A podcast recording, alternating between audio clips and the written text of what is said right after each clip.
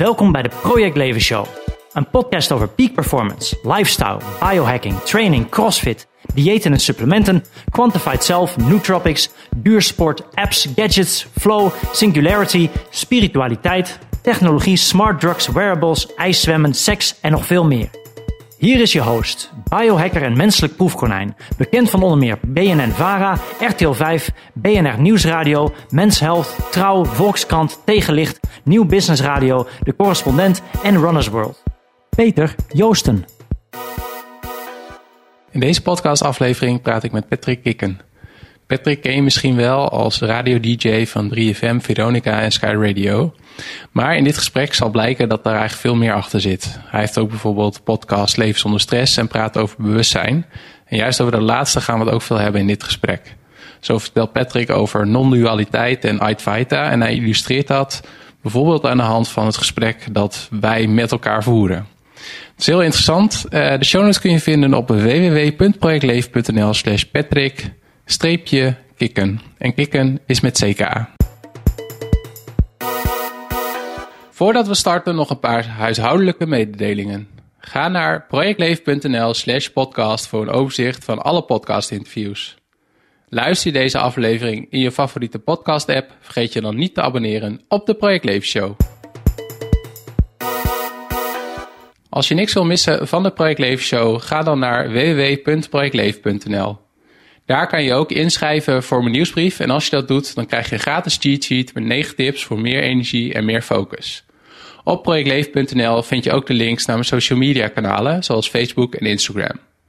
Als je inschrijft, blijf je ook op de hoogte van al mijn persoonlijke experimenten, artikelen die ik schrijf, de vlogs en video's die ik opneem, de biohacking meetups die ik organiseer en de lezingen en presentaties die ik geef.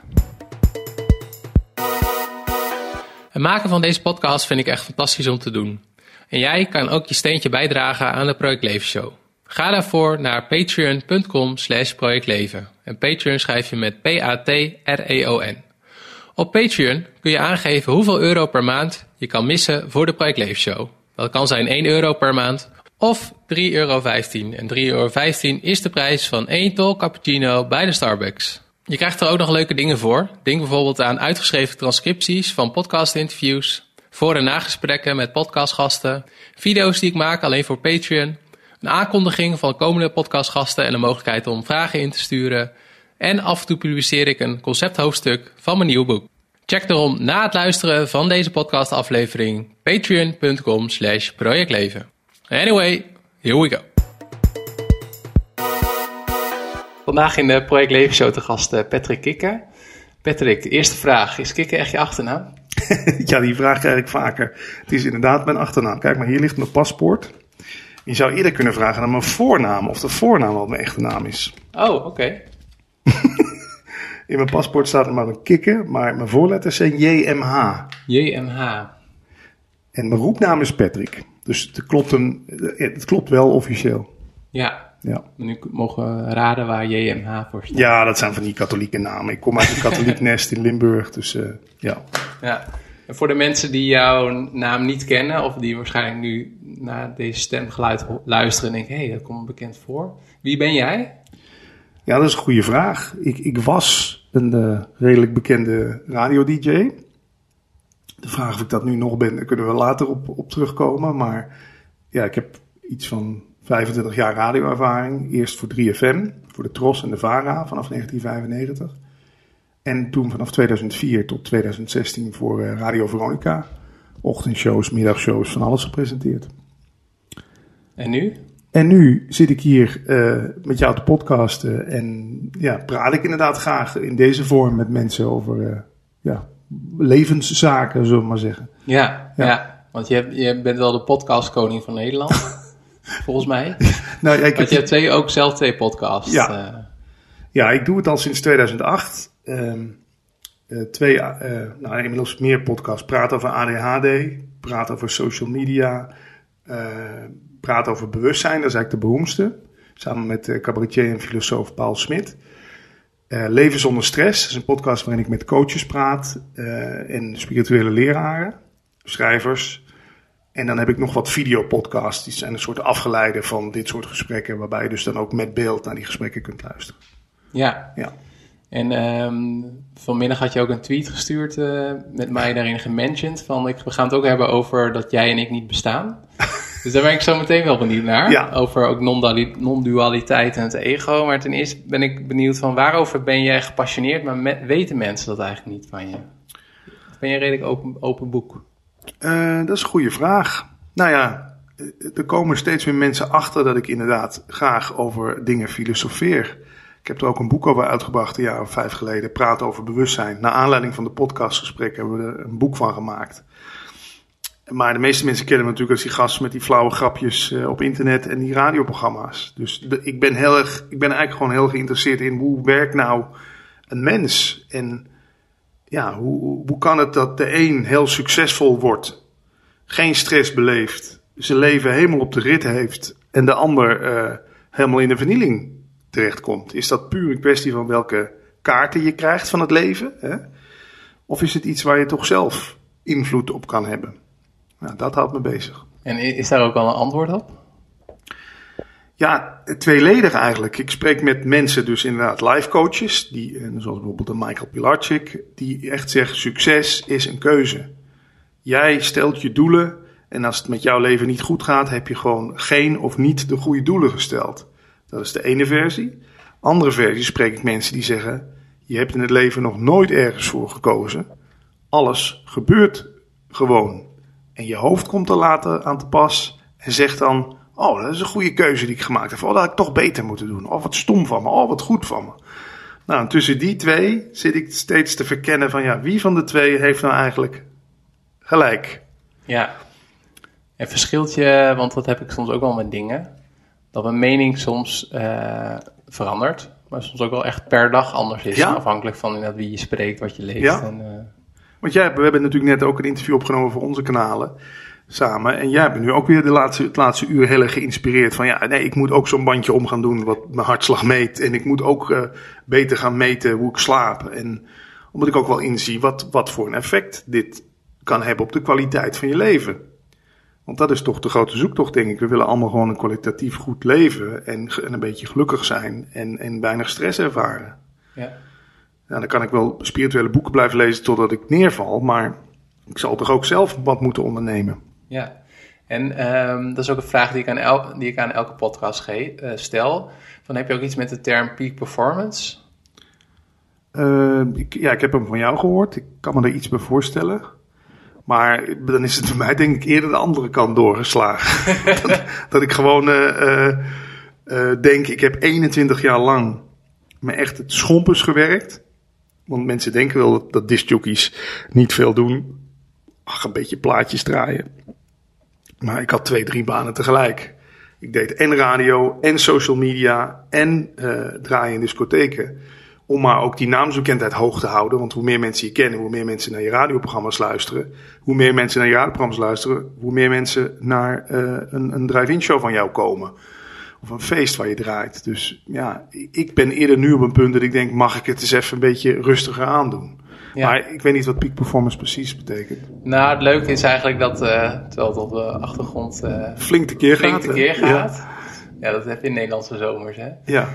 Um, uh, nou, het leuke is dat het voor elke gast eigenlijk anders is. En dat ik net, waar we net over hadden, dat ik er zelf ook niet helemaal uit ben. Maar ik, de laatste tijd benadruk ik het meer vanuit het principe van flow. Dus wat zijn momenten dat je eigenlijk helemaal opgaat in je taak. En dat je eigenlijk de wereld om je heen en je besef van tijd eigenlijk helemaal verliest. Ja. En ja, voor mij is dat waar we het net ook over hebben gehad. Van, uh, ik, ja, met name als ik, uh, als ik dit soort gesprekken voer of aan het podcasten ben, dat ik ook wel het gevoel heb dat ik ook wel in, in een soort van, uh, van staat van flow kom. Helemaal waar. Dat gesprek wat we net hebben opgenomen, daar was jij echt, dat ging als vanzelf. Hè? Ja. Dat was, het is bijna een soort dans. Dans, ja. Ja. En waar ook over gezegd wordt dat dat de momenten zijn, sporters kennen dat ook, die noemen dat dan ben je in de zone of in de zone, dan komt je ik er eigenlijk niet aan te pas. Ze zeggen wel eens, je zou kunnen zeggen van dit gesprek ook, als, als we in een flow komen, dan stapt Peter uit de weg, Patrick stapt uit de weg en het wordt gewoon het gesprek.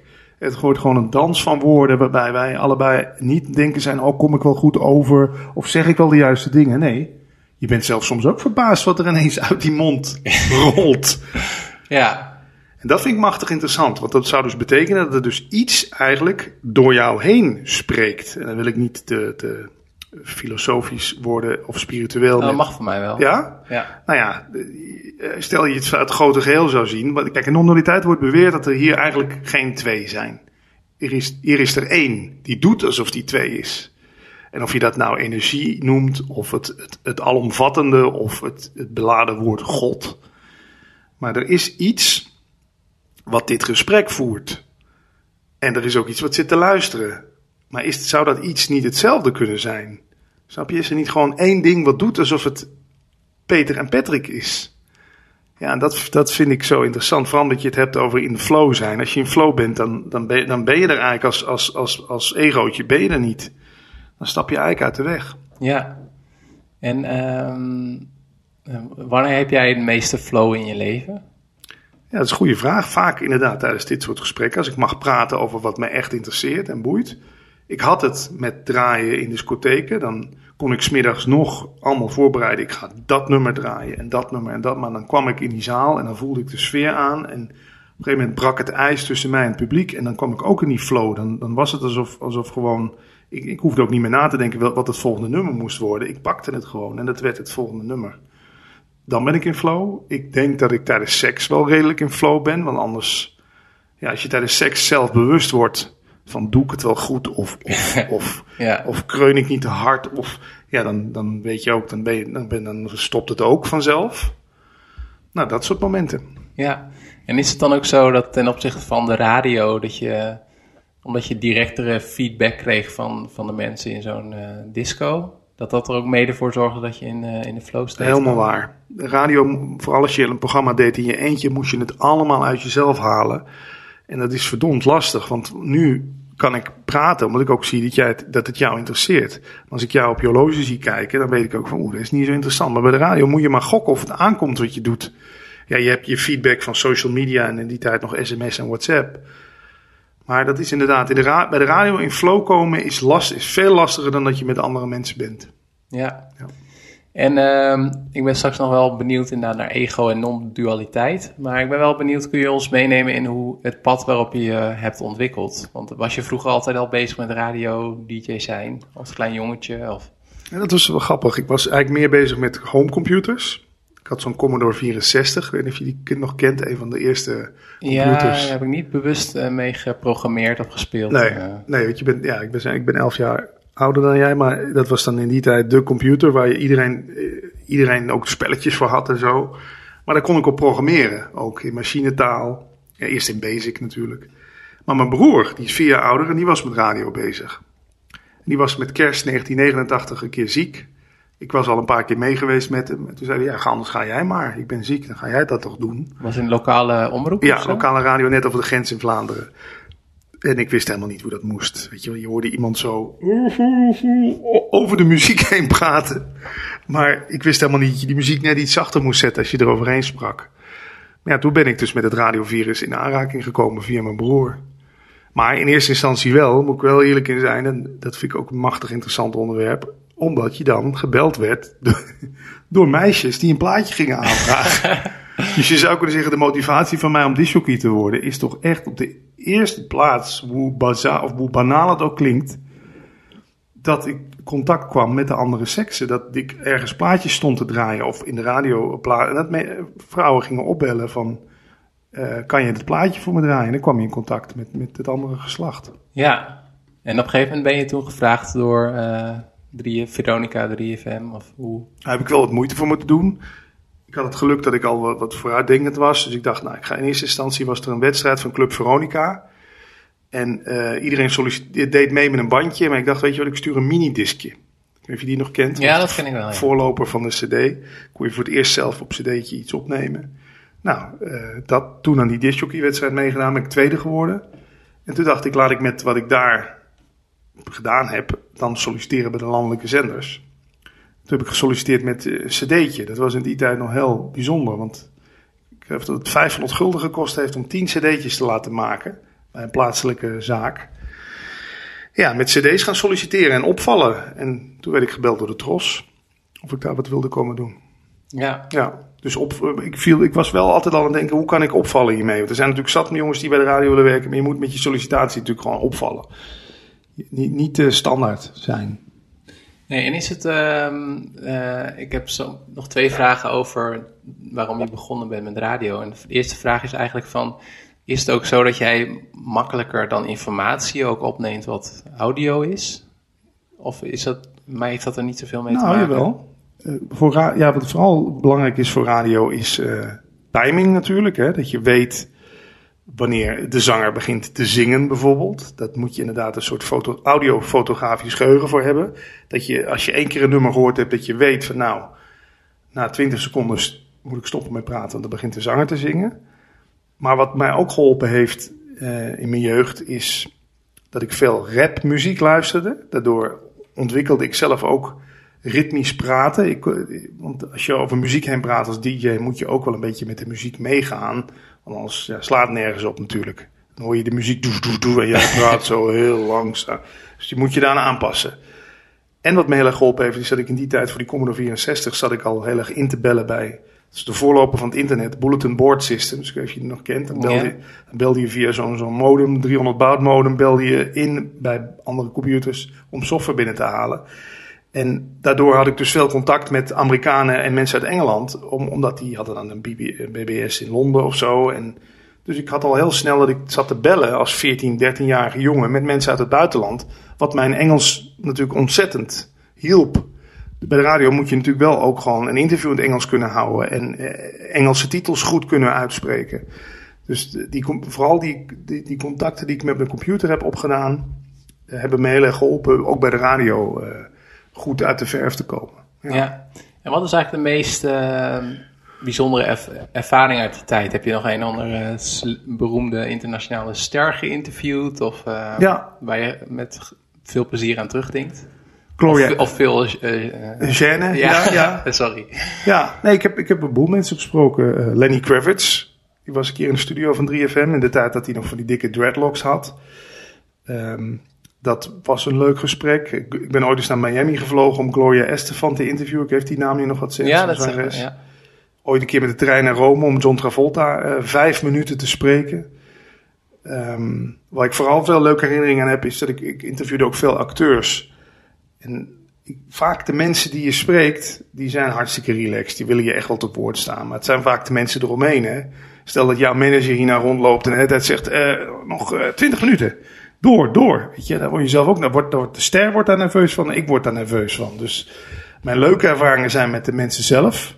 Ik heb bijvoorbeeld ook Rita Verdonk een keer geïnterviewd. Nou, de pracht van een mens. Terwijl iedereen denkt van wat, wat een ijzeren trut is dat. Mm -hmm. Maar als je daar met, mee zit en je, en je bent zelf gewoon relaxed. Zij wordt ook relaxed. Het ijs breekt. Nou, prachtig gesprek mee gehad. Ja.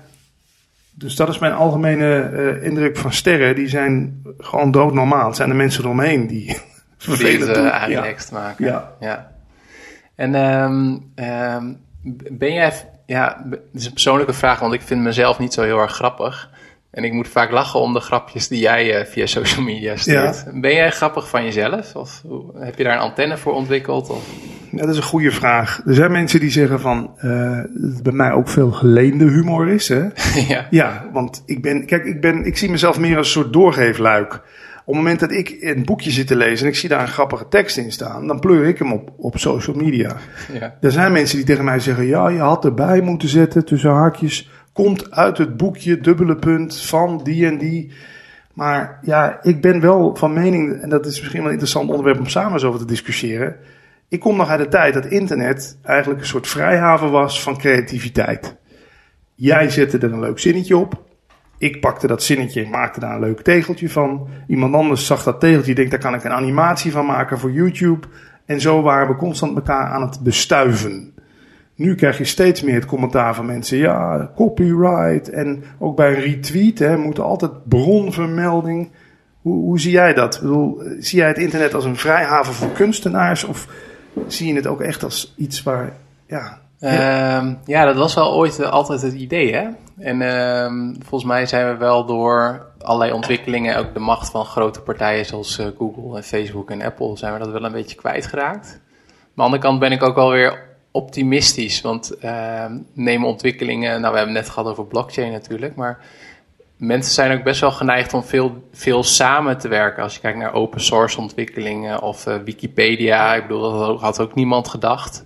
Dus ik, ja, op sommige aspecten van het net vind je het nog wel, denk ik. En op sommige inderdaad niet. En wat dat betreft is het wat minder een vrijhaven geworden dan de bedenkers oorspronkelijk hadden gedacht. Maar ik vind dat er toch wel, nog wel veel mooie dingen te vinden zijn. Ja. Ja. Maar op de vraag terug te komen of ik grappig ben. Ik kan grappig uit de hoek komen, maar ja, ik ben wel, ik, ik zie mezelf nogmaals meer als een verspreider.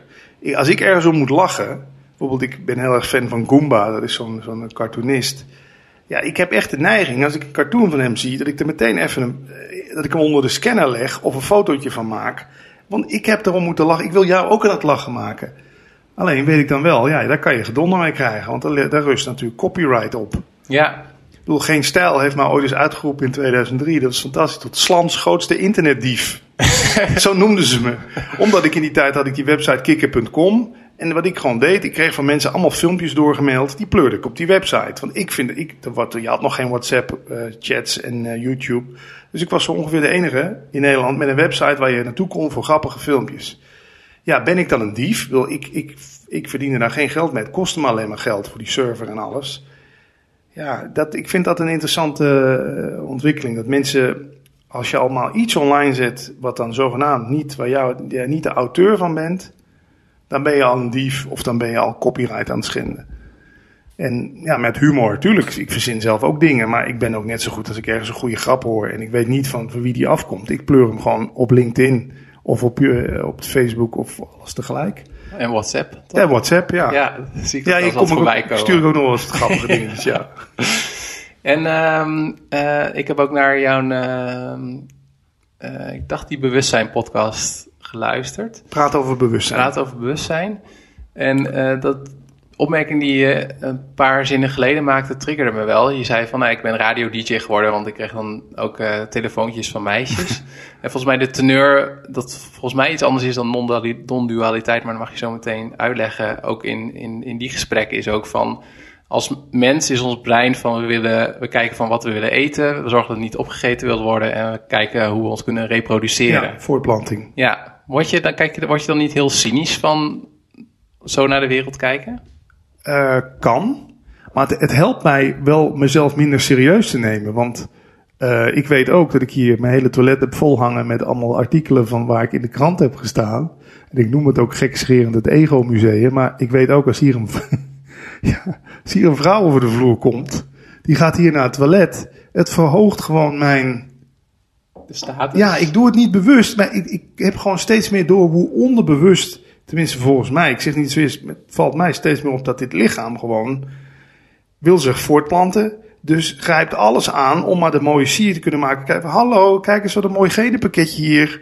Weet je wel, mijn, auto, mijn kleding, mijn, mijn, en misschien zelfs deze podcasts voeren. Daar hebben Paul Smit en ik het ook vaak over.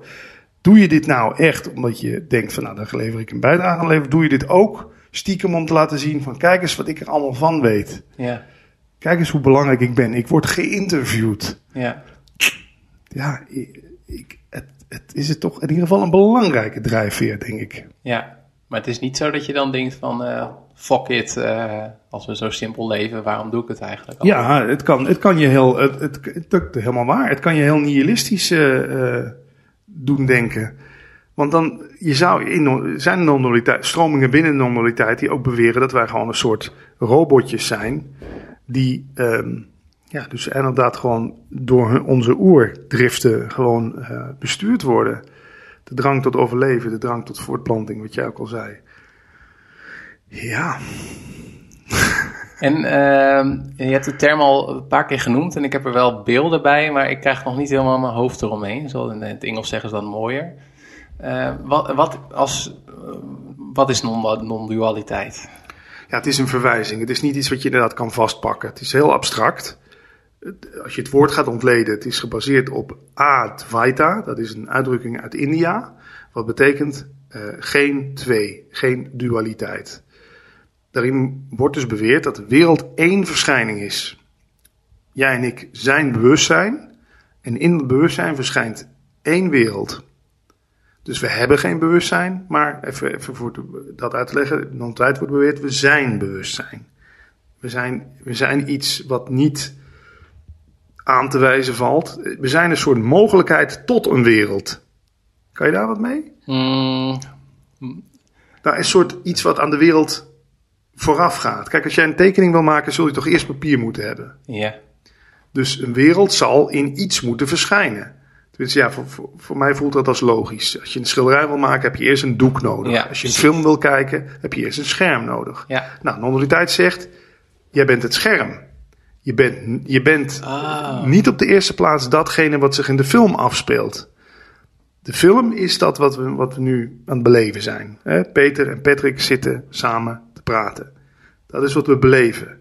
Maar wat we zijn is hetgene wat het zeg maar als een soort van, ja, aan het bekijken is bijna. Een soort van eh, observator. Ja, en dat, ik vind dat machtig interessant dat dat zo gezegd wordt. Want dat neemt meteen ook een heel stuk eh, identificatie weg met het poppetje Patrick en het poppetje Peter. Daarom vind ik het ook zo interessant dat jij juist helemaal aan de andere kant zit. Jij bent heel erg gericht op het zelf.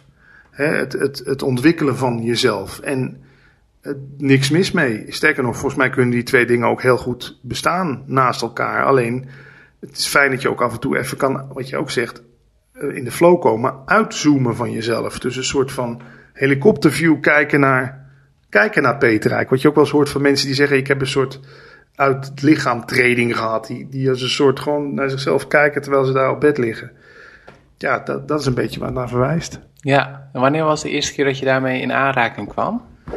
Ik was eerst heel erg eh, geïnteresseerd. Nou, het kwam eigenlijk door een meisje wat het uitgemaakt had met me in 2000, wat was het, drie, vier. Ik was helemaal in tranen. Ik denk, hoe kan dat nou toch, dat ik daar zo verdrietig van ben? En niks hielp meer, weet je wel. Het hielp niet om dure kleren te gaan kopen. Het hielp niet om veel te eten. Naar de film hielp dat misschien een beetje. Dus ik kwam in aanraking met van die motivatietapes. Tony Robbins, zou Ja. je wel kennen. Die je dan helemaal je, je ego oppompt. Hè? Die zegt, you can do it. Je bent de beste, trek je niks aan, liefde, verdriet, je hebt, je- zij is jou niet waard, weet je wel, bla bla bla. Daar ging ik me beter van voelen. Ik denk, hé, hey, dat moet ik hebben. Maar ja, als ik die bandjes stopte met luisteren, dan zakte ik weer aan elkaar als een plumpudding. Ik denk, hoe kan dat nou? Dat was het dus ook niet, want ik kon toch niet alleen maar Tony Robbins bandjes blijven luisteren met iemand die me zei dat ik wel geweldig was, want ik voelde die pijn, hè, Ja. van die afwijzing. Nou, toen kwam ik bij Eckhart Tolle uit, de kracht van het nu. Dat is een beroemde spirituele leraar. Oh, dan gaat mijn telefoon. Die verwees daar al een beetje naar. En ehm, ja, vanuit daar is eigenlijk... Op een gegeven moment kwam ik de term non-dualiteit ergens in een boek tegen of zo. Ben ik eens op gaan googlen. En toen kwam ik bij Paul Smit uit. Die daar al in Nederland een website over had. En eh, zo is het balletje gaan rollen. Ja. Ben je dan ook al naar Indi India geweest? Nee. In een klooster te gaan zitten? Nee, dat werkt zou, niet zo? nee, dat zou wel inderdaad... nou, het stinkt daar zo, zeggen ze. ja. Ben je er wel geweest? Nee, ik ben er niet geweest, maar ik heb laatst, eh, ik ben wel in die, in die contraien geweest, Zuidoost-Azië, Vietnam, Laos, Cambodja, Indonesië. Ik heb laatst eh, Jelle Hermes geïnterviewd en die, die zegt ook van India is ook echt een land van enorme, eh, vergro- heel erg uitvergroting. Dus het is ook inderdaad heel erg vies, maar ook wel heel erg mooi en ja, Tegenstellingen. en, en ja. ook tegenstellingen Ja. inderdaad. Dus, Ja. ja. ja. Maar ja, non-dualiteit is voor mij, een, een, als ik het mag samenvatten. Wat ik er zo boeiend aan vind, is natuurlijk, dan komen we uit bij de vrije wil. Je noemde net in ons interview al de naam van Sam Harris.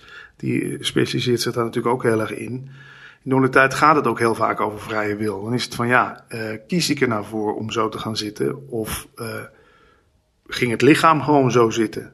Is die ik, waar we ons met z'n allen maar zo aan vastklampen, is dat niet maar gewoon een verzinsel wat achteraf komt? Dus is de ik niet de bestuurder van de dingen, maar is de ik de verhalenmaker achteraf? En dat, dat vind ik zo, wow, dat vind ik zo interessant. Want we leven natuurlijk in een maatschappij waarin we heel erg afgericht, afgerekend worden op onze daden. Als jij nu daar een deuk in mijn auto rijdt, dan ben jij de schuldige. En dan ga ik jou ter verantwoording roepen. Maar ja, kon jij er werkelijk iets aan doen dat jij een deuk in mijn auto hebt gereden? Want als jij toch de keuze had gehad tussen wel of niet een deuk in mijn auto rijden, was dan was de kans toch groter geweest dat je het niet had gedaan. Nou, nee. Ja. ja, ja. Tenzij je me echt een hak wilde zetten. maar dat vind ik ook zo in onze maatschappij. Dat we zo altijd zo op zoek zijn naar de schuldigen. Naar de, dan is er iets gebeurd. En de eerste vraag is niet: van hoe kunnen we het oplossen? Nee, de eerste vraag is vaak: wie heeft het gedaan? Waar kwam het door? Ook weer met die torenbrand in Londen. He, er moet meteen iemand op het. Er moet verantwoordelijkheid. De mensen moeten ontslagen worden. Ik denk, ja, maar jongens, bekommer je nou eens eerst om. Hoe, hoe krijgen we dit opgelost? En nu ga ik hem wegleggen hoor. Ik ben te veel op de tafel aan het slaan. Hoe, hoe kunnen we hier. Uh, ja, dat gebeurt ook wel. Hoe kunnen we dit voorkomen in de toekomst? Maar ja, ik vind dat we heel erg gericht zijn op, op afrekening en verantwoordelijkheid. Ja, maar is dat dan ook minder in. Uh, want ik kende voor, voordat ik me erin had verdiept term nog niet. En, is dat dan ook bijvoorbeeld minder in, in Oosterse landen of bijvoorbeeld in India? Ja, je hebt, uh, um, je hebt daar ook wel veel meer mensen die gewoon berusten in hun tussen aanhalingstekens lot. Die gewoon zien, nou, dit is wat het is. En hier maken maar gewoon het beste van. Kinderen in weeshuizen daar, naar wat ik begrepen heb, ben er dus nooit geweest. Die zitten niet van, oh, nou waren we maar in Europa, dan hadden we een Playstation gehad. Nee, die verzamelen een week lang blaadjes. En dan hebben ze genoeg blaadjes, doen ze daar een elastiek omheen, of een paar elastieken, en hebben ze een bal om mee te voetballen. En die zijn niet bezig met het had anders moeten zijn, of waarom zit ik toch in zo'n benarde situatie. Je hebt zelfs gebieden waar niet eens het woord ik gebruikt wordt. Daar wordt gewoon uh, bijvoorbeeld ook gezegd in communicatie in hun taal dan: je zus heeft honger. Snap je? Als wij dat mhm. zouden gaan doen tegen elkaar, dan kijken ja. ze raar aan. Bij ons gaat het allemaal om die ik. Hè? Ik heb honger. Ik wil dit niet. Ik wil dat wel. Terwijl daar wordt al veel meer gesproken in dat ze ook wel zien, ja, het is maar een benaming. Je zus heeft honger. Mijn broer wil graag dat je dit of dit. Ja, hoe, kan ik dat nou goed uh, onder woorden brengen? Het is, het is een. Uh, ja, het is lastige materie. En die ik is dan ook, het staat gelijk aan ego, of zijn het dan die twee aparte dingen?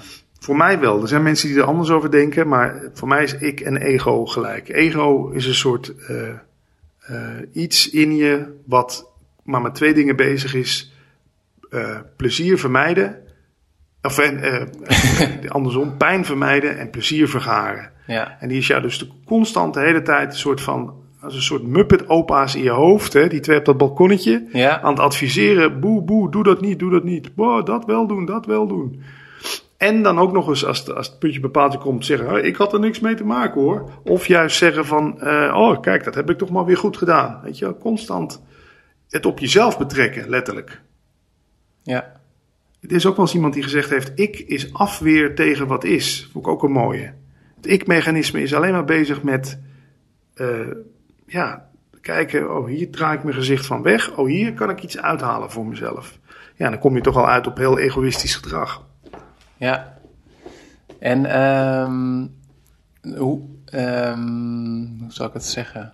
Maar de ego is niet per se een slecht, ja misschien is het ook een slechte vraag, een, een slecht iets toch? Zijn de meningen ook over verdeeld? ik weet niet hoe jij het ego ziet. Nou, ik, um, soms denk ik van het helpt mij heel erg van om, om dingen te bereiken. En dat ik, uh, maar soms zit het mij ook wel in de weg. Want dan is het stemmetje achteraf van waarom heb je dat nou gedaan? En waarom ben je nog niet succesvoller? Of waarom nou dit, waarom nou dat? Maar op andere momenten um, als ik een uh, eh, 10 kilometer aan het hardlopen ben, en uh, dat is mij wel gebeurd onlangs, dan loopt dan een, uh, een gastje van 12 loopt voor me uit. Dan denk ik, ja, dat gaat mij toch niet gebeuren. Dat hij me inhaalt? Dat hij, ja, dat, dat hij eerder binnenkomt oh, dan ik. Dan denk ik van, ja, dat is wel een stukje ego wat ik dan... en dat helpt jou? Dat helpt mij dan op dat moment wel, ja. Ja, ik ben er ook nog niet over uit of ego nou goed of slecht is. Misschien kan het ook zo zijn dat, je een gezond, dat jij dan een gezond ego hebt.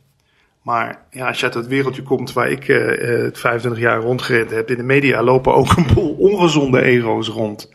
Die ook op een gegeven moment echt zijn gaan geloven dat zij gewoon veel meer en beter zijn dan een ander. En dat moet dan ook nog iedere dag bevestigd worden. Als ik nu nog heel erg in mijn ego zou zitten, dan had ik een rottijd, want ik ben nu niet op de radio. Uh, dan zou ik ja, ik had nu op de radio moeten zijn, weet je wel, want wat stel je nou nog voor? Terwijl ik juist de momenten dat. dat uh, nou, dit is bijvoorbeeld een mooi voorbeeld. Uh, jij, jij, neemt nu net een slokje water. Mm In het water drinken zit eigenlijk geen ik. De ik zit van tevoren, die zegt: Ik ga wat drinken. Drinken zelf is de, de, het prettigste van alles. Hè? Dat, mm die, die, sensatie in je mond en, dat voelen, dat slikken. En daarna komt de ik zegt zo, nu heb ik lekker gedronken. Terwijl dat hele, je zegt niet, ja je zegt misschien nog wel ik slik, maar je zegt niet ik slokdarm. Dat zeg je niet. Nee. Je zegt ook niet ik verteer. Je zegt ook niet ik long. Gaat ook vanzelf. Ja. Ik haal, hè? Ik hart of ik... Ja, ik hart. adem. Ja, precies. Ik lever. Ik, alles wat hier gebeurt, Ja. pas als het weer eruit komt, zeg je ik plas. Ja. Dat vind ik ook zo fantastisch interessant. We beweren dus dat de hele handeling, dat ik dit doe, ik drink, maar wat daarna gebeurt, wat er feitelijk mee gebeurt, nou dat gaat allemaal automatisch. En daarna pas. eh, En, maar zou het niet zo kunnen zijn dat zelfs ook in, in de handeling zelf geen ik zit? Dat het allemaal maar het verhaaltje eromheen is. Ja, ik, blijf dat, ik blijf dat super interessant vinden. Ja. Ja, dat is wel echt... ehm, ik, ik zelf, ik, ik ja, ben er, la- probeer er de laatste tijd ook wat meer in te verdiepen. Onder andere dit gesprek. Ik heb ook Robert Bridgman en Jan Geurts geïnterviewd. ja prachtig.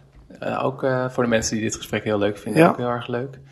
En, ehm, maar ehm, ik vind het zelfs nog wel lastige concepten. Misschien vanwege de manier waarop ik denk. Of is het iets waar je ook mee bent opgegroeid, die Ja. interesse? Goeie vraag, want je eerste drie jaar, als, je als kind in de spiegel kijkt je, en ook naar je handjes, een kind van tot drie jaar, misschien iets korter, 2,5, herkent niet dat het zijn of haar handen zijn. Die kijkt net zo verwonderd naar haar eigen handjes als naar een plafond of een dier of naar jou. Die ziet geen verschil tussen zichzelf en de wereld. Pas als dat ik-besef komt vanaf 2,5, 3 jaar, dan is het ineens Weet je wel, mijn speelgoed. En, en nee, boe, afblijven. Dat ben jij, dit ben ik. Maar daarom kan een baby ook. Een baby kan eh, eh, zo met een vuist twaalf uur lang gewoon zo liggen. Hè? Gewoon met een vuist zo geknepen. Iemand van ons kan dat, kan dat niet meer. Omdat je onwijs, bes- je wordt je heel bewust van die vuist. En dat gaat zeer doen. en alles. Maar een baby, ja, die handelt gewoon intuïtief. Daar zit geen ik in die, dat, die, dat, die ook denkt van... Nu, heb ik, nu zit ik de hele tijd met mijn hand zo... Dus dat is inderdaad iets aangeleerd. Er wordt ook steeds gezegd, dat ben jij. Weet je, er wordt in de spiegel, dat ben jij. En Ja. jij bent Jantje en dat is Pietje. Nee, dat is van Pietje. Dus het is inderdaad iets aangeleerd. En ja, eigenlijk zou je kunnen zeggen, kind verkeert nog in een soort paradijselijke staat. Tot het moment dat, het, dat, het, dat die afgescheidenheid, daar we dan ook veel over normaliteit. Die afgescheidenheid tussen jou en mij. En er wordt beweerd dat je hele zoektocht in je leven eigenlijk weer terug, je wil weer terugkeren naar die staat. Dat jij gewoon helemaal vrij opging in alles. En dat ervaren we dan wel in momenten, zoals jij zegt, in hardlopen, in, in, in goede seks, in lekker eten. Dan los je even op. Dan, dan heeft die ik ook even niks te klagen van, bah, of het is hier koud. Of, dan bemoeit hij zich er niet meer mee. Dan ga je gewoon op in wat er is. En hoe, ehm, hoe kun je dat bereiken, behalve die situaties op, opzoeken? Doe jij zelf ook aan mediteren of aan psychedelische middelen gebruiken of andere dingen?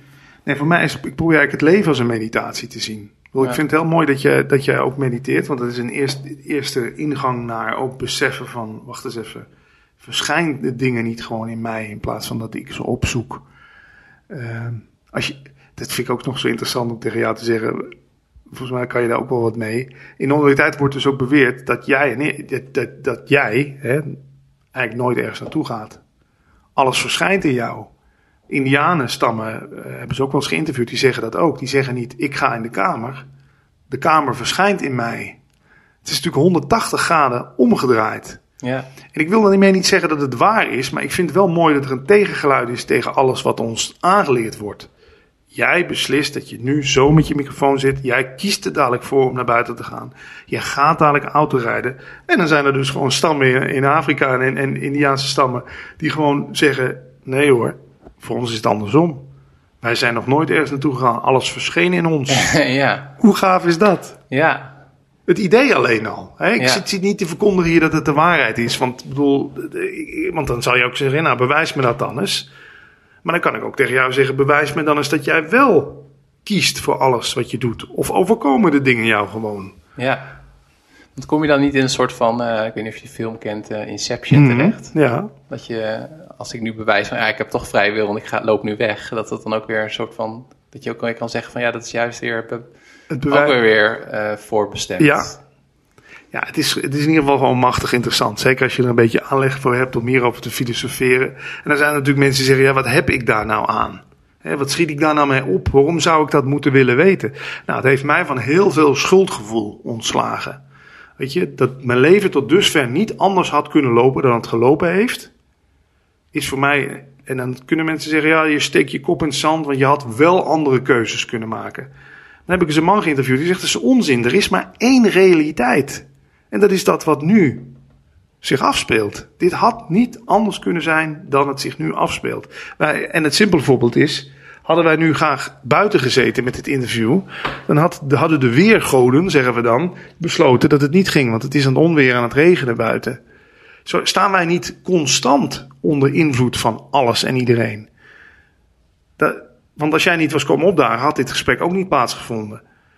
Was jij een half uur later komen opdagen, was, had ik misschien nu andere dingen gezegd omdat ik ineens honger kreeg of Snap je? Ja, Ik, vind het zo mooi om te zien hoe wij allemaal onder invloed staan van alles. Ja. Dat het dus eigenlijk helemaal niet, dat je er niet ergens de claim op kan leggen. Ja, terwijl dat wel denken en steeds meer denken. En ook volgens mij, ik weet niet hoe jij daarnaar kijkt, dat we wel door alle technologie en commercie en allerlei andere ontwikkelingen, dat we wel steeds meer de neiging hebben om de. Uh, ja, je, je maakt dat van je leven omdat je er zelf invloed op hebt en goed sport en goed eten en goed slapen en zo. ja. Misschien is het wel allebei. Dat vind ik altijd de mooiste uitleg. Misschien lijkt het alsof we vrije wil hebben, maar is het niet zo. Of er heeft ook wel eens, ik heb Henk Baarndrecht wel eens geïnterviewd, dus een interessante man, die zegt: er is wel vrije wil, alleen hij is niet van jou. Vond ik ook, vond ik ook een mooie uitleg. ja. ja, het wordt misschien iets te abstract. Het is, uh, ja. Ja, maar ik vind het wel heel boeiend hoe je daar dan. Want uh, daar nog wel een vraag over. Want je hebt ook een, uh, een burn-out gehad. Ja. Kwam dat mede doordat je eigenlijk met dit gedachtegoed bezig was en in de omgeving zat waar het eigenlijk niet zo werd ge, geen ruimte voor was? Uh, ja, dus een burn-out kun je eigenlijk wat mij betreft zien als een soort wake-up call. Weet je wel? ik zat me namelijk tot die tijd heel erg druk te maken voor alles wat ik deed. Doe ik het wel goed? Doe ik er wel genoeg aan? Ja, dan ga je over de kop werken. Want, want wanneer doe je het goed genoeg? Wanneer doe je er genoeg aan? Dat weet je niet. Nee. Dat, is, dat, ja, dat kan ik nu nog steeds niet zeggen. Heb ik er genoeg aan gedaan? Nou, en dan op een gegeven moment brand je op. En dan uh, zijn er ook zelfs mensen die zeggen: gefeliciteerd met je burn-out. Nu kun je eindelijk eens even gaan, verder gaan kijken. Van hoe zit het nou werkelijk in elkaar? Ja, toen, want ik ben inderdaad tijdens de eerste burn-out, behalve stripboeken, ben ik die hele spirituele zoektocht begonnen. Dus ik zie het niet als een. Uh, het, nee, het is niet om. Ik kreeg geen burn-out omdat ik inderdaad uh, hiermee bezig wilde zijn. Nee, het was juist andersom, denk ik. Ah, oké, en het heeft jou. Heeft jou daarna geholpen? Of had je toen je de burn-out kreeg, kon je gelijk al het toen op dat moment al omarmen en accepteren? Lastig, want je moet toch een beetje losweken van dat ego. Hè? Dat, want tot die tijd was dat ego natuurlijk vooral bezig met zichzelf op de borst te kloppen. Kijk eens, ik heb het toch maar mooi zover geschopt. De ochtendshow van Radio Veronica. Een eigen commercial op tv. Een dikke BMW onder mijn kont. Uh, iedereen vindt me geweldig. Weet je wel. Dat was mijn idee tot dat dusver. Nou, je weet zelf, als je dan thuis komt te zitten ziek. ja, dan zijn er ineens nog maar weinig mensen die je appen of met je op de foto willen. Ja. Want dan ben je ineens van, van een succesvol iemand. Uh... Ik heb volgens mij ook in een interview met de Happiness ooit een keer gezegd. Uh, niet zo erg als succes. Want dan heb je succes en dan blijft er nog iets knagen van binnen wat zegt, ja maar nu, nu, nu voel ik me nog niet 100% compleet. Ja. Waar moet ik het dan nog gaan zoeken als zelfs succes me niet die vervulling gaat geven? Ja. Ik weet niet of jij dat herkent uit waar jij mee bezig bent. Dat je, bedoel, is er een punt waarop je kan zeggen, nu, nu heb ik het. Nu. Nee, ja. Echt super goede vraag, want ik zat, misschien is dat ook wel... Uh het collectief bewustzijn of zo. Want ik zat ook net precies op dezelfde vraag aan jou. Van, ja. Want het voorgesprek ook over rupsje nooit genoeg. Ja. Dat is wel echt iets waar ik op dit moment in mijn leven ook een beetje mee zit. Um, omdat ik... Uh, je bent altijd bezig zeg maar, met het volgende. Dus nog meer uh, uh, lezers van mijn blog, nog meer podcastvolgers, nog een betere tijd op de 10 kilometer, of Ja. een beetje meer gewicht op mijn snatch of mijn back squat. Of, ja. nou, je hebt al die Ja. aspecten van je leven kun je allemaal getallen aanhangen en prestaties. En um, ja, laatst, ik kwam, ik weet niet meer wie dat zei, maar ook iemand tegen die zei van ja, je moet juist hè, durven loslaten en meer een versnelling terugschakelen en gewoon tevreden zijn met het huidige moment. En dan maak je veel gelukkiger dan dat je streeft naar een bepaald doel. Want als je bij dat doel bent, dan zie je alvast het volgende doel alweer waar je naartoe Dat is het. gaan. Het is die wortel die waar, je, eh, waar je achteraan rent en waar je maar altijd net niet bij kan. Ja, En dat komt volgens mij ook uit het boeddhisme, dat je gewoon niet gehecht, je, doet wel, je doet wel iets, je presteert wat, maar je bent niet gehecht aan het, resul- het resultaat. Dat je het resultaat doet. Er zijn ook mensen in bepaalde landen, daar hebben ze een, hardloopwedstrijd. En die, of die keken een keer naar een hardloopwedstrijd van ons. Ik geloof dat het Tibetaanse monniken waren of zo, die zeiden van, waarom geven jullie alleen degene die als eerste over de finish komt een medaille? We hebben, ze hebben toch allemaal dat stuk afgelegd? Die konden dat niet begrijpen dat wij dus alleen degene die als eerste over de streep komt de medaille geven. Ja, ze hebben toch allemaal dat stuk gerend? Die moeten allemaal een medaille krijgen. Wij zijn inderdaad ook zo gefixeerd op net iets beter zijn dan de anderen. Net, net iemand anders snel af zijn. Terwijl ja, ik kan met hun zienswijze kan ik eigenlijk ook wel wat. ja, We doen het toch samen? We rennen toch allemaal die 10 kilometer? Ik vind het ook zo sneu dat op tv zie. Dat dan degene die als laatste over de streep komt. Dat die dan inderdaad een beetje zo meewarig aangehouden. Hij, hij is er ook eindelijk. Terwijl, ik bedoel, heeft hij ge- Dan is nu de vraag van, had hij dan harder moeten trainen? Heeft diegene gewoon niet hard genoeg getraind? Het kan toch ook met je lichaamsbouw te maken hebben? ja, Of, of je, wat je, je geen hebt een keertje gewoon net, net niet, genoeg spiermassa hebt. En ja, dat heb ik dus ook een beetje tegen op mensen die zeggen succes is een keuze. Zeg dat maar tegen mensen in Syrië nu. ja. Dat, je kan hun toch niet dat verwijten dat ze in die situatie zitten. ja. En dat vond ik interessant wat je net zegt over die gedachten. Dat wordt dus in non-dualiteit ook beweerd. Jij produceert geen gedachten. Gedachten komen gewoon op. Die hangen hier inderdaad gewoon ergens. Daarom kan het ook best zijn dat nu ineens een vraag uit mijn mond komt die jij ook al ja. voelde of bijna hoorde. Zijn ook is- er is een film die hier ligt, die zou ik je eigenlijk even een kopietje van moeten maken. Non-duality live as it is. Daarin wordt ook gezegd, gedachten zijn is, eigenlijk net alsof iemand tegen je praat. Het is trilling op een bepaalde frequentie. Maar als wij nu hier allebei een onweerslag horen, dan horen wij die allebei tegelijk, toch? Ze, ze beweren dat gedachte ook gewoon eh, geluid is, maar dan op een veel lagere of hogere frequentie. Die je dus niet kan horen, maar die je wel hoort hier, zeg maar, in je brein. ja. En ja, dan, als dat waar is, dan is gedachte dus net als een geluid buiten. Dat, dat, dat popt gewoon ineens op. En dat, of dat dan nou uit mijn mond komt of de jouwe. Ja, Ja, je hebt toch ook wel van die voorbeelden ook in de geschiedenis. Volgens mij de boekdrukkunst of zo. Dat werd dan ook echt op twee plekken. Ja, eh, ja, machtig interessant. Dat soort dingen. ook in de dierenwereld. Dan zijn er ineens een apenkolonie in Australië en een apenkolonie in eh, Amerika. Die allebei tegelijk uitvinden dat als je een aardappel uit de grond haalt en je doet hem eerst door het water, dat die dan lekkerder is. Ander voorbeeld, katten, een bepaalde plaats in Londen hadden uitgevonden als je een fles melk die bij de deur stond omkiepte, dan, kon je dat openmaken en die melk drinken. Het gingen ook katten op andere plekken. Dus er, er zijn veel bewijzen dat er eigenlijk maar één, ja, ik geloof ik noemen ze dat morfogenetisch veld is, waar we allemaal onze kennis vandaan halen. Ja. Ja. Ja, dat is ook heel interessant, ja.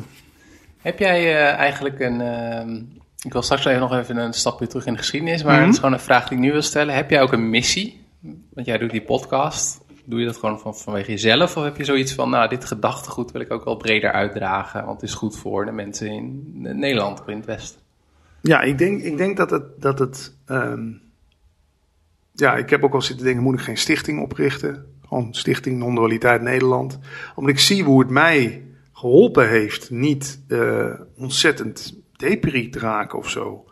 En dat ik ook weet hoe die gedachten jou, eh, als je daar heel erg in verzeild raakt, gedachten over dat je het beter had moeten doen of dat het anders had moeten gaan, hoe gek je die kunnen maken. Ja, dan is mijn missie eigenlijk om mensen naast Prozac en Oxazepam en alle middelen een, een, een mogelijkheid te geven. Luister hier eens naar. Zou het, ook niet, zou het niet kunnen dat je de problemen zelf verzint?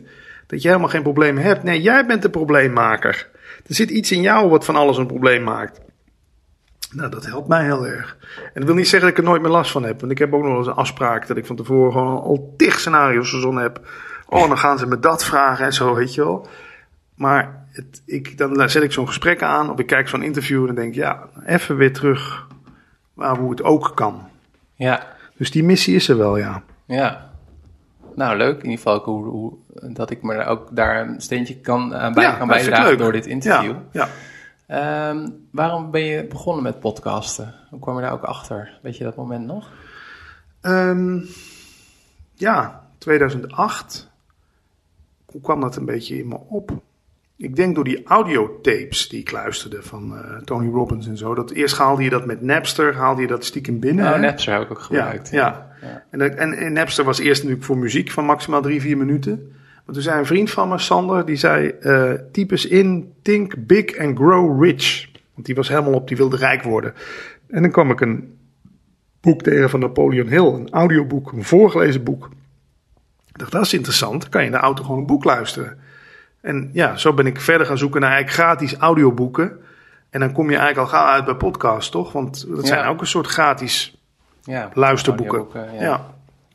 ja. En zo ben ik dat in 2008 een beetje zelf gaan doen. Dan ik dacht van ja, je kan hier toch niet op de radio over praten, dan maar, dan maar op internet. Ja. En je was ook al vrij vroeg met YouTube. Ja, met een oude YouTube-kanaal helaas ter ziele gegaan. 25 miljoen views weg. Poef! Dankzij de heren bij Google. Maar Wat was het verhaal? Want je had een raar filmpje een ertussen filmpje eh, met... per ongeluk ja, gezet, klopt. Ja, dat is ook zo... Ik dacht, bij, maar dan zie je er niks is privé bij Google. Ik denk, als jij op YouTube filmpjes zet op privé... dan mag niemand die zien behalve jij. Hmm. Ik krijg via die, die andere WhatsApp-telefoon krijg ik iedere dag honderden filmpjes binnen van mensen. Dus ik denk, nou, die pleur ik gewoon op YouTube, privé. En dan ga ik, ik maakte dan een montage van en, en dat ging ik dan mensen laten zien. Maar ja, daar zat een filmpje tussen met een of andere gozer die een ezel stond, stond te neuken. Ja, ja. Nou, daar hebben ze dus bij Google blijkbaar bots voor rondlopen die, Ah, ja. als ook maar ooit één filmpje, daar hebben ze dan een fingerprint van of zo. Ja, of een grafische Ja. eh, analyse Ja. of zo. Ja. Maar dat, ja, ik vind, ben er nog steeds boos om. Want waarom eh, had me daar dan voor gewaarschuwd van tevoren? Dat zelfs als je iets privé uploadt. Dan, het is echt niet dat ik van zo'n filmpje geil word. Daar gaat het helemaal niet om. Ik, ik, ik upload, dat kunnen ze ook zien, 100 filmpjes. En er zit dan één zo'n fout filmpje tussen.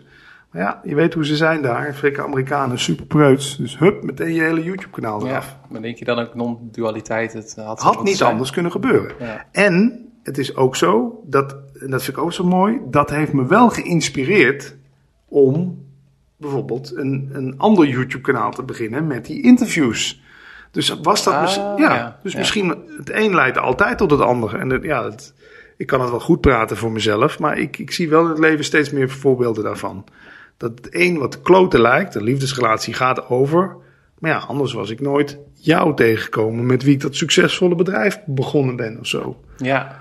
Ja. Dus is er wel zoiets als goed en slecht? Dat is ook zo'n vraag die, die in non-dualiteit wordt gezegd. Ja, Shakespeare zei het al: Nothing is good or bad, but thinking makes it so. Jij plakt het label erop: dit is slecht weer. Terwijl er nu ook zat mensen zullen zijn die denken: hè, eindelijk een beetje regen. Weet je wel, eindelijk even niet die hitte. Ja. Goed of slecht, ja. Het is ook maar, ook maar een label wat wij ergens op plakken. Ja. Ja, en onze, ook een van onze meest inspirerende filosofen, Johan Cruijff, natuurlijk ook van, hè, elk voordeel heeft zijn nadeel. Of uh, nadeel Ja, is zijn voordeel. ja, maar dat is het precies. Ja, ja. En wat ehm, eh, ook in het, ge- het gespre- gesprek waarin jij mij interviewde, en heb je denk ik wel gemerkt dat, heel, dat ik heel geïnteresseerd ben ook in de toekomst en innovatie. Voor zo'n echt zo'n mega early adapter als jij, die er al heel vroeg bij was met, eh, met websites en podcasts en YouTube. Wat zie jij op dit moment voor interessante ontwikkelingen? Ik vind het livestreaming heel interessant. Ik heb hier, as we speak, op dit moment gewoon met een simpel, eh, simpel eh, maniertje drie, video, drie audiostreams lopen vanuit de Metacast. Gewoon drie radiostations eigenlijk vanuit thuis. Gewoon rechtstreeks naar de Shoutcast gestreamd. Maar wat, wat die op je wc of zo, of hoe, eh, wat bedoel je? Hier in de Metacast staan, Ja? er staan drie computers. Mhm. Daar draait Patrick Ikke Pretzender. Daar draait Advaita FM met Engelse gesprekken over non-dualiteit. En daar draait eh, Praten over Bewustzijn Radio met al onze podcasts van Paul en mij achter elkaar in een carousel. Ah, En de audio van deze interviews. ja. En het komt allemaal als een soort radiostream gewoon voorbij. Voor mensen die Ah. niet kunnen kiezen, die zetten gewoon op TuneIn gewoon de radio aan. En die vallen midden in een gesprek en Ja. die vinden dat lekker. Nee, mijn associatie van livestreaming was van dat je, eh, weet ik veel, hier een microfoon Ja, precies. Nu, live. Ja, Nee, ik zie het meer als, als je kan gewoon vanuit thuis je eigen radiostation beginnen. En ik heb hier ook twee videostreams lopen. Alle interviews komen ook eh, in een carousel achter elkaar voorbij. En dat vind ik zo cool. Dat je tegenwoordig gewoon vanuit thuis gewoon je eigen tv-station kan beginnen. En dan kunnen mensen, ja, je streamt bij YouTube. Ja, dus ik kan op tv, hoef ik maar gewoon non-dualiteit tv in te typen. En ik zit op mijn tv gewoon naar, mijn- naar, naar mijn eigen computer te kijken. Ja, En of dat nou hier is of eh, in Australië. En ja, de- de- ik vind dat livestreamen, zeker als Facebook daar met Facebook audio gaat beginnen, dan Ja. hadden we dit gesprek ook gewoon nu kunnen voeren op, Ja. eh, op jouw Facebookpagina. ja. Dat is nu alleen nog maar voor uitgever, nou, voor Ja, bepaalde voor bedrijven. corporates, hè? ja. ja. Maar dat, die- dat doen ze natuurlijk altijd, die zo'n strategie. Hè? En dat op een gegeven moment wordt het ook beschikbaar Ja, voor, voor eh, iedereen. gewone mensen. Ja. En wat ik nog steeds super interessant vind, eh, ik ging al vrij gauw viral. omdat het was natuurlijk ook gewoon dat in 1998 had je kikker.com en je had gewoon gratis.nl, maar voor de rest hield het wel een beetje op met de leuke sites. Ehm, wat ik zo leuk vind is hoe, hoe snel dingen viral gaan. Dat is, ik ken dan een beetje mensen ook die, die plaatjes maken. Maurice van Berkel is zo'n bekende naam. Die is altijd als de kippen erbij, als er iets actueels gebeurt, bam, maakt hij een leuk plaatje. Er zit ook zo'n stempel in, Maurice van Berkel. Hoe snel die dingen zich verspreiden, dat is, dat is soms binnen een half uur heel Nederland door. Zo'n grappig Ja. plaatje. En dat vind, ik, ja, dat vind ik leuk en eng tegelijk. Want daar gaat ook een van die afleveringen van eh, Black Mirror over natuurlijk. Met de hashtag kill huppeldepup of zo. Ah, hè ja. Hoe snel iets zich kan verspreiden tegenwoordig. Dus ook een virus, maar ook gewoon... Stel nou, ik, ik maak van jou een foto en ik zet eronder kinderverkrachter. En ik heb zo'n breed netwerk dat ik ervoor kan zorgen... dat die foto binnen no time in heel Nederland op ieders telefoon staat. Nu zal dat iets minder snel gebeuren dan met een actuele grap, maar... Krijg het dan nog maar eens teniet gedaan, hè? Ja. De- dus dat viral gaan, dat vind ik dat. dat, dat eh, want ook heel veel stukjes, dat vind ik wel nog leuk. Heel veel stukjes radio van mij van 10, 15 jaar geleden, die, die, die gaan nog steeds rond via telefoons. Dat is toch super gaaf? Dat is wel echt Ja. superleuk, ja. Eén stukje radio van mij, het staat helaas nu niet meer op YouTube, die jongen zijn account had beëindigd. Maar 50 verschillende vormen van fietshumor. Dat, is een miljoen, dat was een miljoen keer bekeken. Dat is een stukje radio uit 2000, uit 2000 17 jaar oud. Wordt dus in 2017 nog steeds op YouTube door mensen die toen misschien nog niet eens geboren waren, beluisterd kan worden. ja. Dus ja, dat vind ik gewoon leuk. Dat, dat, dat, iets, dat iets blijvende waarde houdt. Dat iets niet zo vluchtig is. Dat je daarmee een soort van onsterfelijk wordt. Dat, Soort- ja, dat is wat het ego natuurlijk graag wilde. Blijven bestaan, ja. Ja, Ja, ja. En ehm, eh, ik heb een aantal vragen die ik aan elke gast stel. Oké, Ehm, wat is de grootste misvatting die er over jou heerst? dat is een goeie. Eh, eh, dat, ik denk toch dat ik eh, misschien wat dommer overkom op internet dan ik daadwerkelijk ben. Dat mensen denken, ah, dit is die gast van die flauwe, platte grapjes. En dat, dat vind ik in Nederland sowieso, dat mensen je zo gauw in een hokje stoppen. Als ik om een grap moet lachen, maakt me niet uit of het highbrow humor is of poep- en pies humor. Ik, ik vind humor, lachen, lachen bevrijdt je ook van je ik. Lachen is ook ha, in het moment zijn, je helemaal gelukzalig voelen. Nou, waarom moet mij dat dan uitmaken of het een platte grap is of dat het een hele sophisticated. En maar mensen scharen mij vaak in de hoek van dat is die gast van die platte grapjes. En, eh, dus dat is wel een misvatting, want ik kan ook van heel erg intelligente humor genieten. Alleen, ik weet wel, ja, de gemiddelde plaatje, het gemiddelde plaatje wat je online zet is vaak als het net wat platter is, doet het, scoort het ook meer. Ja, Dus de misvatting dat inderdaad ik alleen maar van platte humor zou houden of alleen maar plat zou, zelf zou zijn. Nou, daarmee hoop ik ook tijdens dit gesprek wat nou, dat heb je wat mij betreft wel ontkracht Oké, al. nou, Dus, mooi. eh, dat is, eh, één. ja. En wat is de grootste uitdaging voor jezelf eh, waar je de komende tijd aan moet werken, denk je? Ehm, ja, wat gezonder leven. Daarin inspireer jij mij ook. Weet je wel, ik zie natuurlijk wel. Ik, wat ik wel interessant vind aan dit lichaam.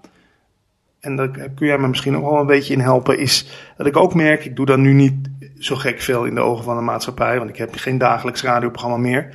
Ik merk dat ik heel gauw op de bank kan liggen. Documentaires kijken. Gemak, comfortzone. En dat het op een gegeven moment. Dat het lichaam zelf zegt van. Oh shit, het is woensdag. Ze komen straks met die vrachtwagen langs. Dus je moet nu die container buiten gaan zetten. Dat mijn lichaam zelfs kan dat al als grote inspanning kan zien. Terwijl als je in een flow zit van waar jij in zit, van sporten en werken en, En ik heb dat ook met Paul Smit besproken. Die zegt, ja, nou zie je, dat lichaam is gewoon ingesteld op overleven. Dus op het moment dat je niet energie hoeft te verbruiken, gaat het lichaam ook als eerste tegen jou zeggen van, doe maar kalm aan. Die bak die kan ook over twee weken wel winnen buiten. Ja, ja, ja. Hoe, hoe, hoe zie jij dat? Is dit een instrument wat zich ook heel gauw aanleert van dat alles al te veel moeite is? Nou, ik heb wel, eh, ik doe, ik heb vorig jaar een experiment gedaan waarin ik vijf dagen niet heb gegeten. En dat heb ik eh, een paar weken geleden nog een keer gedaan. Ik doe het dan één keer per jaar of twee keer per jaar. En ik merk ook dat, nou, dat ik ook echt een stuk minder mentale en fysieke energie had. En ook wat Ja? eigenlijk wel een beetje in zo'n beetje in zo'n staat kwam die jij net beschrijft. Dus ik denk dat inderdaad dat je lichaam heel erg, eh, dat we meer afhankelijk zijn van onze fysiologische processen en energie dan we eigenlijk willen, willen denken. Ja. Maar ik denk wel dat, maar daar heb ik zelf niet zoveel ervaring mee, dat inderdaad op het moment dat je een beetje ritme krijgt, dat dat ook wel helpt in, eh, ja, om, om dat tegen te gaan, als je dat eh, ja, zou willen. Ja. Dus dat zou, is voor mij wel een uitdaging om, om niet te vervallen in ehm, dat je op een gegeven moment echt alleen nog maar opstaat van de bank. Als je denkt van ja, ik moest toch al opstaan om te plassen, dan kan ik meteen koffie meenemen. Ja. Dan hoef ik niet twee keer te lopen. Weet je, dat je echt extreem de andere kant opslaat van waar jij eh, Ja. zit. Jij wil het maximale uit jezelf halen. Misschien bestaat er ook wel zoiets als het minimale uit jezelf halen. En dat, daar komt de ondualiteit weer om de hoek. Ik wil het er niet steeds in fietsen, maar ja, ik moet er dan toch aan denken. In de ondualiteit wordt ook beweerd. Als de hele wereld blauw zou zijn, dan kon je de kleur blauw niet meer aanwijzen. Want dan is overal blauw. Dus we hebben ook de kleur geel of wit nodig om te kunnen zeggen dat is blauw en dat niet. Dus misschien moeten er op de wereld ook wel mensen zijn zoals jij, die het maximale uit zichzelf halen. Maar als iedereen op de wereld zou zijn zoals jij, het maximale uit zichzelf halen, konden we jou ook niet meer benoemen als zijnde. Nee. Want dan was dat de norm.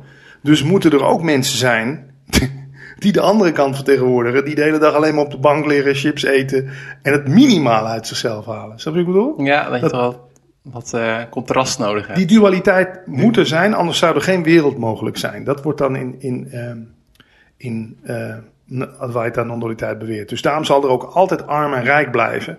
Want als iedereen rijk zou zijn, dan Ja. bestaat de term rijk niet meer. Nee. Ja, ik moest toen je inderdaad aan het vertellen was, moest ik ook denken aan ons voorgesprek over basisinkomen. Van, Ja. Zou dat dan ook passen bij ons als mens? Of ja. Ik ben een heel grote voorstander, want ik denk dat, dat we ervan uitgaan dat mensen van nature lui zijn en niks. Ik, ik denk wel, je wil iets bijdragen. Wij, wij doen dit gesprek ook niet alleen voor onszelf. We, eh, ik bedoel, we kunnen wel denken seksuele selectie. Ja, eh, we willen een mooiere versie van onszelf verkopen. Maar uiteindelijk doe je dit natuurlijk ook omdat je wil dat iemand anders er iets aan heeft. Mhm. Want waarom zouden we dit gesprek anders voeren? Dus ik denk dat wij een basisinkomen zouden hebben, dat, dat je dan wel je kwaliteiten gewoon echt gaat onderzoeken. En er op een gegeven moment wel achter komt van, eh, nou, eh, ik ben goed in paarden verzorgen. Dus dat ga ik naast mijn basisinkomen doen. En jij bent goed in mensen motiveren en coachen, dus ga je dat daarnaast doen.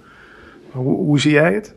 Ja, ehm, ik denk dat het heel spannend is en dat het wel goed is dat we daar allerlei experimenten mee doen. Maar ja, we ko- ontkomen niet aan dat we gewoon steeds meer banen verliezen tussen aanhalingstekens aan eh, kunstmatige intelligentie en robots. En ehm, ja, ik heb ook Jury van Geest geïnterviewd, dat is een technologiedenker. En die zegt ook van ja, we gaan ook steeds meer toe naar dingen, banen die robots niet kunnen overnemen, namelijk menselijke capaciteiten, empathie, inlevingsvermogen, creativiteit, dat soort dingen. En dat we ons meer daarop gaan richten. Aan de andere kant denk ik van ja, we, er wordt al heel, heel lang gedacht over een 20-urige werkweek of zo. En op een of andere manier zijn er toch culturele krachten zo sterk, denk ik, dat het ons dat ook nog niet helemaal lukt. Dus ik denk dat we nog wel wat, dat het uiteindelijk dat we het niet meer kunnen tegenhouden, maar dat we nog wel wat jaartjes te gaan hebben daarvoor. Ik, wat ik ook machtig interessant vind, de maatschappijvorm waar we in zitten. Waarin natuurlijk heel erg ook eh, gewezen wordt en gedreven, eh, je wordt gedreven naar persoonlijk bezit. Maar ja, wat nou als inderdaad gewoon dit net zoveel jouw huis was als mijn huis? Zou zich dat dan vanzelf regelen wie waar gaat slapen? Of, ja, niet dat ik een voorstander van communisme ben, maar ja, dat, dat, dat, dat gehamer op persoonlijk bezit, maakt ons dat niet ongelukkig? Ja. Want ik weet ook, op het moment dat ik denk dat dit van mij is, moet ik dus ook de hele tijd opletten of jij het niet van me afpakt. Ja. Ik ga dit verzekeren. Ik ga deze telefoon eh, wegleggen. Want, en ik ga jou in de gaten houden of jij niet mijn telefoon meeneemt. Terwijl als we gewoon hier samen een telefoon hadden. En we, we weten van nou, jij gebruikt hem als jij hem nodig hebt. Hè, dat mooie voorbeeld van die auto's. eh, mensen die, ik begrijp dat jongeren eigenlijk niet meer zozeer uit zijn op een eigen auto. Maar gewoon een auto delen met de straat of zo. Of, of met de familie. Of, Ja. Ja.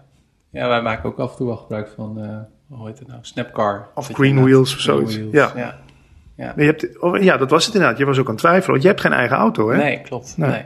nee. Nee, dat zijn wel interessante ontwikkelingen. Ja. Heb jij ehm, eh, een gewoonte die andere mensen bizar, raar of vreemd vinden? Dat is interessant.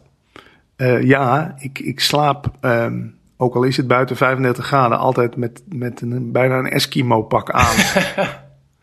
Ja? En ik heb dat wel eens laten onderzoeken bij een psycholoog. Die, Oh, zei, ja, die zei dat heeft iets te maken met onveilige hechting in je jeugd. En je creëert een soort kokon om jezelf heen. En dan pas voel je je veilig genoeg om in slaap te kunnen vallen. Ik moet ook eerlijk zeggen dat dat na die burn-out is gekomen. Voor die burn-out kon je mij overal neerleggen. Die burn-out heeft, wel, het heeft me wel een stuk gevoeliger gemaakt voor, voor alles. Het breekt natuurlijk wel iets open in jezelf. En ik ben, ik ben bijna als, als, als de baby die eh, alleen pas kan slapen als die eh, twee dekens over zich heen heeft en, eh, en, en, en, en een joggingbroek. En, ja. Ah. Dus dat is wel iets wat, nou, het baart me geen zorgen, maar dat zullen mensen wel vreemd vinden. Zeker zo'n ja, hartje zomer. Ja. En als we het over slaap hebben, heb jij een, eh, hoe zien die jou, heb je een standaard routine voor je eerste 60 minuten als je wakker wordt? Als ik wakker word, eh, dat is een goeie. Ja, wel een beetje. Ik eet meestal pas na een uur. Ja. En ik ben ook wel, ik ben een nachtmens, dus ik slaap eigenlijk zelden voor twee, drie, drie uur s'nachts. Ik kan me dat nu ook wel permitteren, omdat natuurlijk geen wekker gaat. Maar ik vind de nacht, ja, het schijnt ook dat je lever s'nachts, dat heeft iemand me wel eens uitgelegd, je lever is s'nachts actief. En dan ben je op je meest creatief, zei mij iemand. En het is zo, bij mij komen tussen 12 en 3 s'nachts vaak de beste ideeën omhoog. Voor een blog, voor een column, voor een nieuwe stream of nieuwe podcast. Ja. Dus ja, Nachtdier. beetje wel, ja. En eh, wat wilde je worden toen je vroeger klein was? Nog voordat je in aanraking kwam met de radio? Jeetje, wat wilde ik worden? Ja, ik denk toch wel computerprogrammeur. Dat dat toch, want de computers die fascineerden me. Ik zat al, ik had toen ik die eerste horloge van de kermis had waar je op kon rekenen. Oh ja. Wauw, sowieso rekenmachines fascineerden me ook altijd. Dus inderdaad computerprogrammeur, denk ik toch, ja. Ja. Een apparaat iets laten doen wat jij erin stopt. Ja. Ja, Nou, leuk dat je dan ook juist ook zo met non-dualiteit bezig bent. Want dat, dat eh, hè, wat je zegt, dat iets in een apparaat stoppen en dat er dan iets Ja, gebeurt. ja. En dan, eh, ja, interessante Ehm, heb je ook een eh, favoriet boek? En waarom? Ja, dat is een boek over non-dualiteit. Dat is zo'n dikke pil. Dat heet eh, Ik ben, schuine streep zijn. En dat gaat hierover. Het is van Nisargadatta Maharaj. Dat is een man uit India. En ja, voor mij vertelt dat het hele verhaal over non-dualiteit in een notendop. Dat, dat was zo'n boek, dat las ik. En ik wilde bijna iedere zin onderstrepen en op Twitter zetten. Ik denk, ja, Ja. want dat, ja, het gekke is, die boeken die raken iets in je. Tenminste, dat boek raakte mij heel erg. Ja, Ik ben schuine streep zijn. ik zal hem opnemen ook bij de show notes. Oh, fijn. Leuk. En films en documentaires? Oh ja, ik ben een groot documentaire liefhebber. Moet ik er dan per se één noemen? Ja. Nou, top 3 mag ook hoor. Je hebt in ieder geval Black Mirror al genoemd. Ja, die serie. Gedeelde interesse. Fantastisch. Ja, als je het over series hebt, is eigenlijk Black Mirror, Breaking Bad. Dat is ook Ja. fantastisch natuurlijk. En eh, toch House of Cards. Omdat daar, ja, die vorm dat hij af en toe zo in de camera kijkt en met jou als kijker gaat spreken, dat is natuurlijk uniek. En sowieso Kevin Spacey is mijn favoriete acteur alle tijden. Zijn film American Beauty vind ik ook fantastisch. Ehm, er is ook een film over, die we gemaakt hebben. Dat vind ik ook zo leuk. Dat is wel leuk om te vertellen. Samen met podcastluisteraars van Praten over Bewustzijn hebben we dus een film gemaakt over non-dualiteit. Die film heet Alles over Niets. Die staat ook op YouTube. Is twee keer uitgezonden bij RTL 4 op zaterdagmiddag. Maar goed, hij is uitgezonden. En dus dat moet ik eigenlijk even noemen als, als een van mijn favoriete films. En American Beauty met Kevin Spacey. Maar die had ik al gezegd, geloof ik. Hè? Ja. Maar misschien iets recenters. Niet? Het is allemaal zo oud. Nou, ik heb genoeg dingen genoemd. Je moet het ook allemaal weer gaan intypen natuurlijk. Ja, dat is ook waar. Niet te veel. Welke film van Kevin Spacey vond ik nou zo goed? Dat je van die, eh, dat je zeven verdachten hebt. Oh, die- die- Usual die- Suspects. ja, Ja, die vind ik ook te gek, ja. Die vind ik echt cool. En ehm, favoriete website eh, of blog? dat is een Naast goeie. je eigen? Ehm, waar kijk ik veel op? Ja, dat is dan toch radio.nl. Omdat ik natuurlijk toch... Ja, daar schrijf ik ook columns voor. En ja, het is natuurlijk wel... Het radiowereldje is, gewoon- vind ik natuurlijk wel nog steeds interessant. Ik sluit ook niet uit dat ik niet... Je best kans als dit online komt... dat ik ineens weer ergens een radioprogramma zit te presenteren. Het radiowereldje is wel... eh, ja, dat boeit me nog steeds. Dus ik check wel iedere dag radio.nl even voor de laatste eh, nieuwtjes. Nieuwtjes. Ja. Ja. En eh, als straks mensen hun oortjes uitdoen en eh, je moet, wil ze nog één ding meegeven wat we nog niet hebben benoemd, of ja, je mag het ook nog extra nadruk geven. Wat moeten ze volgens jou direct eh, doen? Nou, eens een keer niets doen zou ik dan willen adviseren. Eens een keer uit de weg stappen. We zijn natuurlijk inderdaad, we denken dat we de doener zijn van alles. Maar ik vergelijk het altijd met, dan heb je een pukkeltje op je voorhoofd. En je weet, als je eraf blijft, dan dit lichaam regelt het wel. Over twee dagen is die pukkel weg. Maar wat doen wij? We gaan ons ermee bemoeien. We gaan aan die pukkel zitten krabben, plu- krabben plukken, plamuren, eh, pleister erop, pleister eraf. Voor je het weet loop je met een litteken rond. Of je hebt de rest van, van, van, eh, de week zo'n bult op je hoofd. Omdat je eraan hebt gezeten. En dat is ook eigenlijk de essentie van non-dualiteit volgens mij. Bemoei je er niet mee. Laat het leven nou gewoon eens door jou heen zijn ding doen. Wa- Waar jij blijkbaar voor geprogrammeerd bent. Of wat jij aan kwaliteiten in je hebt. Als, als Be- Beethoven is daar een mooi voorbeeld van. Die wou het laatst ook niet meer onder zijn muziekstukken zetten Beethoven. Maar van God gekregen. Zo, hij wist ook, dit is iets, dat krijg ik cadeau, dat komt door mij heen. Ik, ik kan toch niet meer ophouden dat ik, ik die mooie symfonie geschreven heb. Dat is toch iets wat ineens als inspiratie door mij heen tot de uitdrukking kwam. Dus mijn advies is, als je, als je het idee hebt dat de dingen niet zo lekker lopen... of als de dingen beter zouden moeten gaan, bemoei je er niet mee. Laat, de- de mooie uitspraak van Lao Tse, zo'n ziener uit China van heel lang geleden... laat troebel water met rust en het wordt vanzelf helder. En ja, mijn ervaring is in het leven wel, hoe meer je je met dingen gaat bemoeien, hoe, eh, hoe stroever het gaat lopen. Die- die- laat dingen nou gewoon eens even berusten. Bemoei je er gewoon niet mee. Dat is mijn, mijn advies. Ja, mooi. Ja. Ja. En is er iets ehm, in het gesprek wat je nog wel graag benoemd zou willen hebben, waar, we niet aan toe zijn gekomen? Ehm, ja, dat, dat er veel op eh, iTunes te vinden is. Leven zonder stress hebben we het eigenlijk niet over gehad. Hè. Dat is eigenlijk mijn meest succesvolle eh, podcast op iTunes.